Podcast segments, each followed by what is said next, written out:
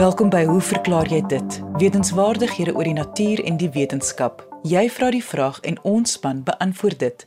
My naam is Lise Swart en ons paneelkenners vandag is entomoloog Dr. Johan Pretorius en fisikus Dr. Christine Steenkamp. Eerste vandag wil ek net noem dat op 8 Julie is die De Beers Goue Medalje van die Suid-Afrikaanse Instituut vir Fisika aan professor Hendrik Geier emeritus professor in teoretiese fisika aan die Universiteit van Stellenbosch en gereelde paneellid hier op Hoe verklaar jy dit toegeken.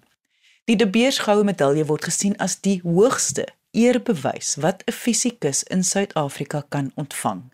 So namens die Hoe verklaar jy dit span en RSG wil ek vir professor Hendrik Geier gelukwens met hierdie welverdiende toekenning. Ons eerste vraag van die dag word gevra deur Dr. Jaco Naudee en beantwoord deur fisikus Dr. Christine Steenkamp.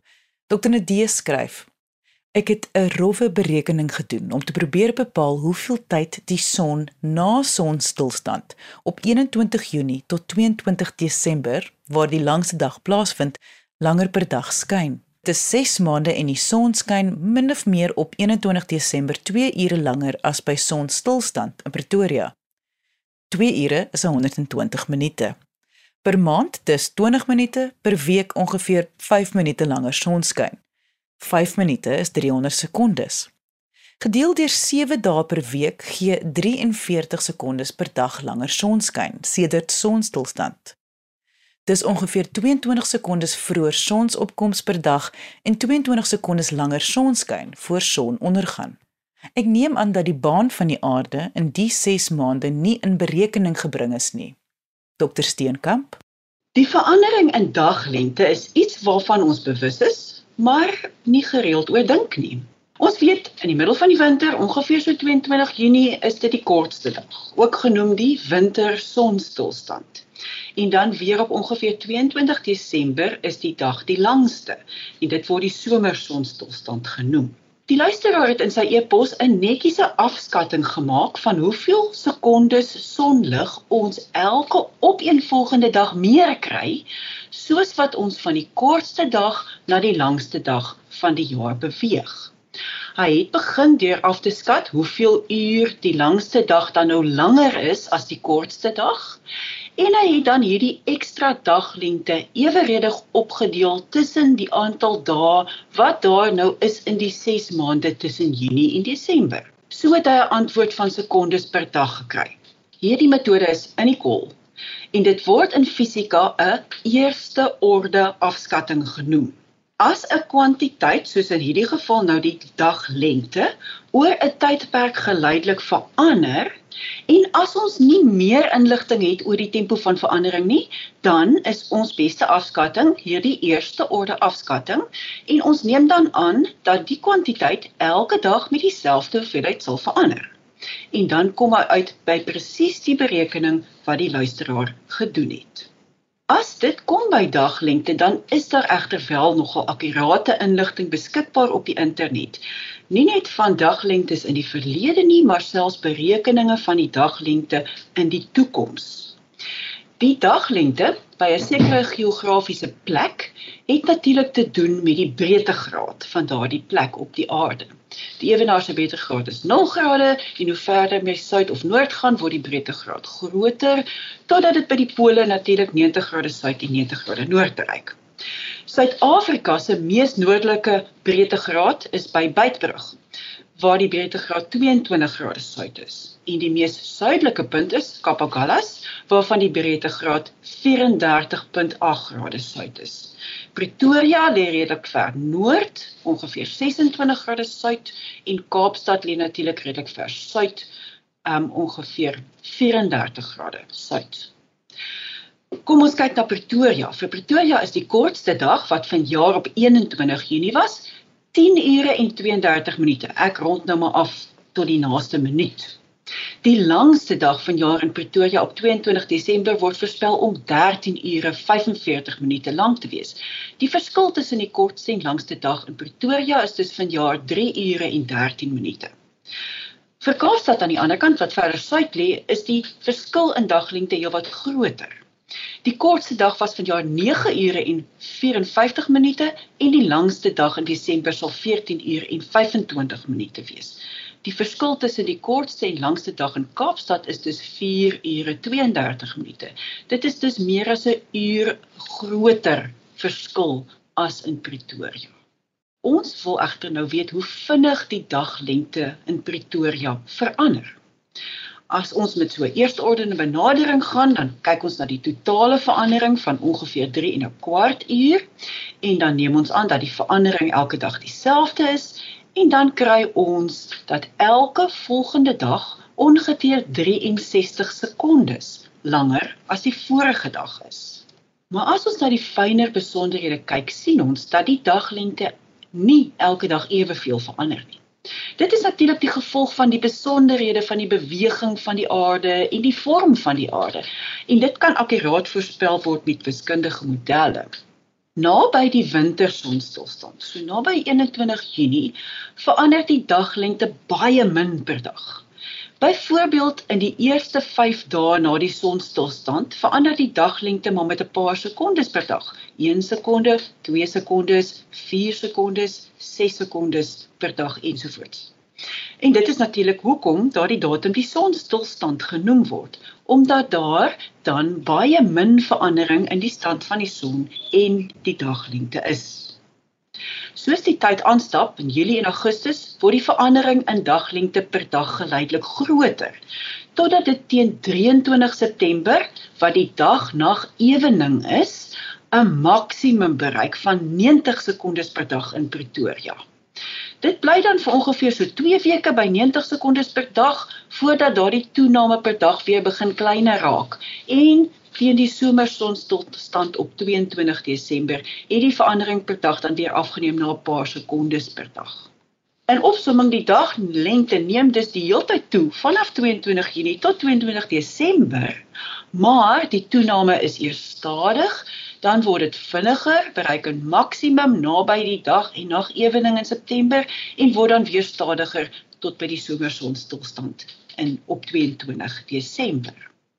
As ons die gemiddeld bereken van al hierdie daaglikse veranderings, dan kom ons weer uit by ons eerste orde afskatting van ongeveer 63 sekondes.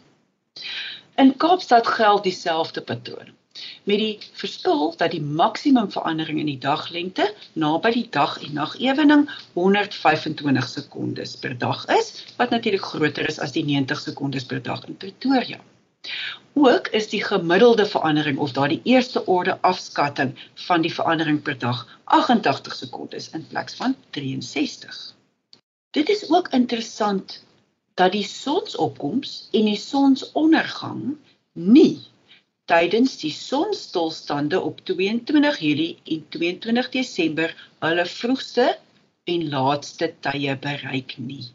Tydens vanjaar se wintersonstilstand op 21 Junie in Pretoria was die vroegste sonsondergang reeds ongeveer 8 Junie. Dit wil sê 13 dae voor die kortste dag. En die laaste sonsopkoms was eers op 3 Julie. Dit is 12 dae na die kortste dag. Dit is nog meer sigbaar by die somersonstilstand. Tydens vanjaar se somersonstilstand in Pretoria sal die vroegste sonsopkoms reeds op ongeveer 1 Desember wees. Dit is 21 dae voor die kortste dag. En die laaste sonsondergang sal eers op ongeveer 12 Januarie wees, 21 dae na die kortste dag. Soos ons dus van winter na somer beweeg, word die sonsopkoms al gou vroeër. En ons sien reeds op 1 Desember die heel vroegste sonsopkoms. Die sonsondergang skuif stadiger. En eers teen 12 Januarie na Nuwejaar sien ons die laaste sonsondergang. Die langste dag is natuurlik tussen hierdie twee datums op 22 Desember. Nog iets interessants is dat die dag en nag tydens die dag en nag ewening op 23 September nie heeltemal ewe lank is nie.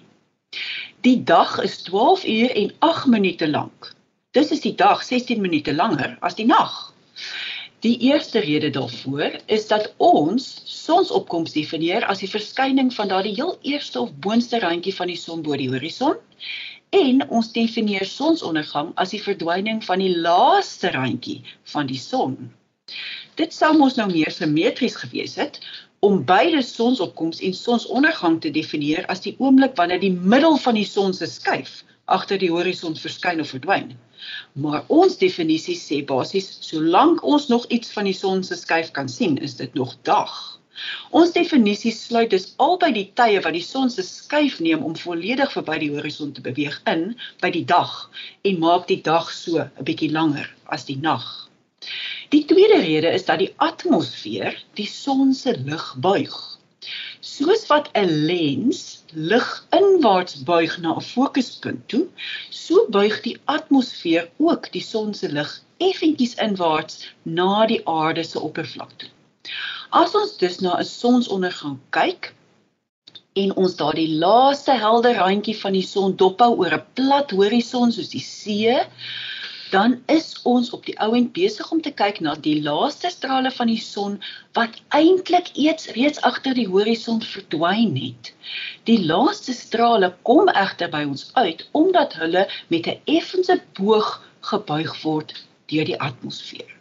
Dit is ook weens hierdie buiging effek van die atmosfeer dat 'n mens soms met sonsopkoms of sonsondergang 'n sogenaamde groen flits in Engels green flash kan sien. Dit beteken dat byvoorbeeld by sonsondergang die laaste randjie van die son vir 'n baie kort tydjie groen van kleur raak voordat dit heeltemal verdwyn. Dit kan gesien word wanneer die horison plat is en die atmosfeer baie stil en helder is. Dit gebeur omdat die groen en blou lig van die son meer deur die atmosfeer gebuig word as die geel en rooi lig. As die geel en rooi lig dan nie meer genoeg deur die atmosfeer gebuig word om by die waarnemer uit te kom nie, dan word die groen en blou lig nog net genoeg gebuig om wel die waarnemer te bereik voordat dit ook agter die horison verdwyn. Ek moet erken dat ek die groen flits nog nie self gesien het nie, maar luisteraars wat in die Karoo of Noord-Kaap woon, was dalk al so gelukkig. Ons volgende vraag word beantwoord deur entomoloog Dr. Johan Pretorius en word gevra deur Anne Marie van Vereniging. Anne Marie vra die volgende: So 'n tyd terug deel iemand op sosiale media 'n foto met 'n kort beskrywing aangeheg. Op die foto sien mens dooie mure met wat lyk so steeltjies wat uit die insekte groei. Die beskrywing by die foto noem dat dit 'n swam is wat die mure aanval en doodmaak. Ek het nou ongelukkig nie meer die foto nie, maar my vraag is, kan dit waar wees dat swamme insekte aanval en doodmaak? Dr Pretorius Ja, vandag gesels ons so 'n bietjie oor swamme en insekte en Anne Marie, dit is wel so dat swamme insekte kan doodmaak. Swamme word in 'n aparte biologiese koninkryk geplaas, die sogenaamde fungi, hoewel hulle vroeër as deel van die plante koninkryk beskou was. Maar hulle verskil egter van plante daarin dat die selwande net soos die eksoskelet van geleedpotiges ketien bevat in plaas van selulose soos in die geval van plante. Inteendeel, ons weet nou dat swame nader verwant is aan diere as wat hulle aan plante is.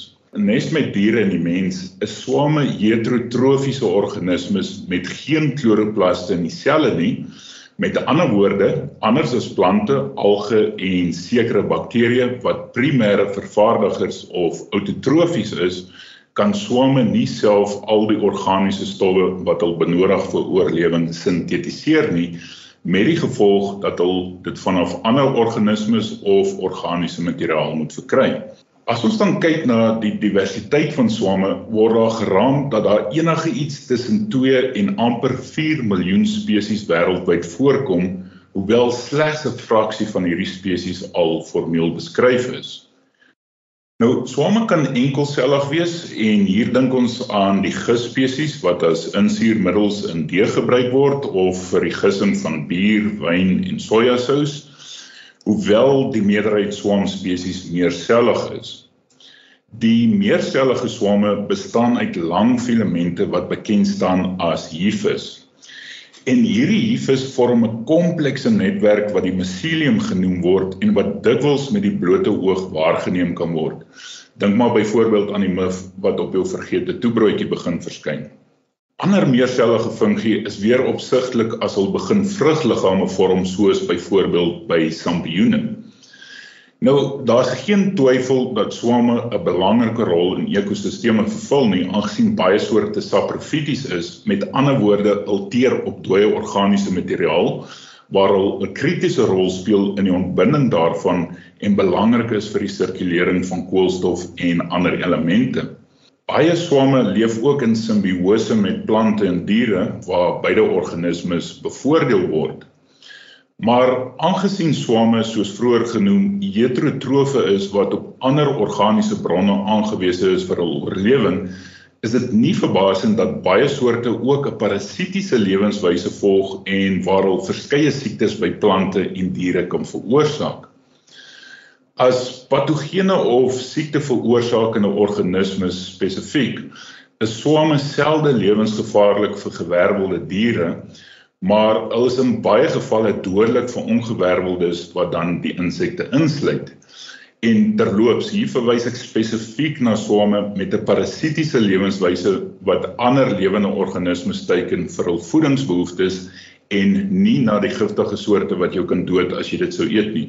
So moet asseblief nooit sampioene en ander swame eet as jy nie absoluut seker is van die identiteit nie. Nou ja, by die geleedpotiges alleen is daar al oor die 700 spesies swame bekend wat patogene van hierdie organismes is. En die patogeniese swame wat spesifiek insekte teiken staan bekend as entomopatogeniese swame of fungi. In teenstelling met ander patogeniese mikroorganismes, hoef swame nie tydens voeding ingeneem te word om die geleedpotige gasheer te infekteer nie. En dit is omdat entomopatogeniese swame spore vorm amper vergeleke met die saad van plante wat in die omgewing vrygestel word en onder die regte omgewingstoestande sal ontkiem en begin groei as dit met 'n geskikte gasheer kontak maak. Tydens hierdie proses penetreer die swam die geleedpotige gasheer se cuticula direk deur meganiese druk en met behulp van ensieme wat vrygestel word en wat die cuticula dan begin afbreek.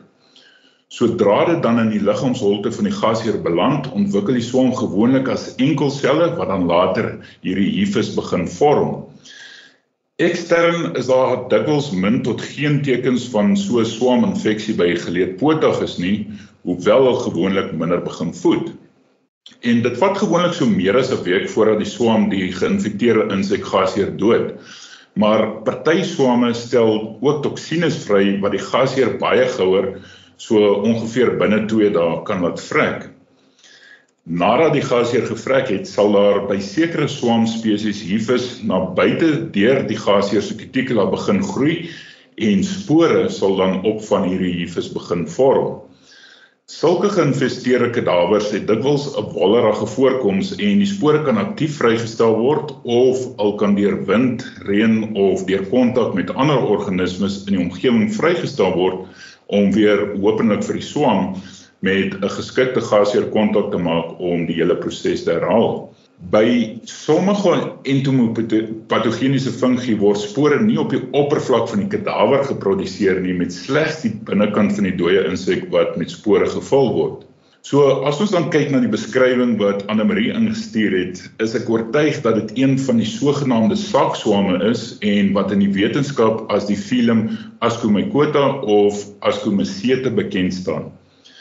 Met oor die 60000 bekende spesies is sakswame die grootste groep swame en word beskou as die sogenaamde hoër swame. Onder die sakswame vind ons byvoorbeeld die eetbare sampioene en knolswame of truffels, bakkers en brouersgis, penicillium spesies wat as antibiotikums gebruik word of om kaas mee te maak asook ernstige plantparasiete soos meeldou en ergot en sommige soorte wat velinfeksies by die mens veroorsaak. Hierdie werfwye groep swame, die swakswam, swakswame dan, bevat ook 'n aantal endoparasiete van insekte en ander geleedpotiges. En in die geval van Anne-Marie se beskrywing klink dit na een van die spesies wat na infeksie die insekgedrag begin verander tot voordeel van die swam. Mense kan amper sê die insek se senuweestelsel word herbedraad sodat die insek doen wat die swam wil hê en nie wat die insek wil nie. In hierdie spesifieke geval sal die swamme heel moontlik daartoe aanleiding gee dat die geïnfekteerde mure 'n kolonie verlaat en teen hoër strukture of oppervlaktes opklouter, soos byvoorbeeld plante wat oor die voedingsgebied van die muurkolonie groei. En sodra die swam die muur dood, sal 'n verlengde vrugliggaam of askokarp buite die eksoskelet tevoorskyn kom en askospore wat deur geslaglike voortplanting gevorm word, vrylaat op die mure wat onder op die grond rond beweeg. Dit is dan heel moontlik hierdie verlengde askospore wat Anne Marie op die foto waargeneem het en by hierdie swamme is daar nie die gewone wollerige voorkoms op die kadaver se oppervlak soos ons by ander swamme sien nie, maar eerder hierdie eienaardige verlengde struktuur wat uit die insek kadaver groei. Van hierdie parasitiese sakswame produseer ook conidiospore wat dieselfde rol as ascospore vervul, maar wat deur ongeslaglike voortplanting gevorm word.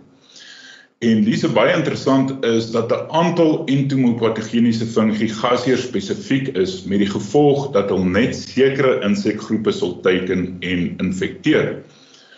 Soos daar byvoorbeeld sekere van hierdie swamme wat muskietlarwes in water parasiteer, terwyl ander weer spesifiek sal wees teenoor byvoorbeeld plantluise, blaadspringers, blaaspootjies, mot en kewerlarwes en wat ook al.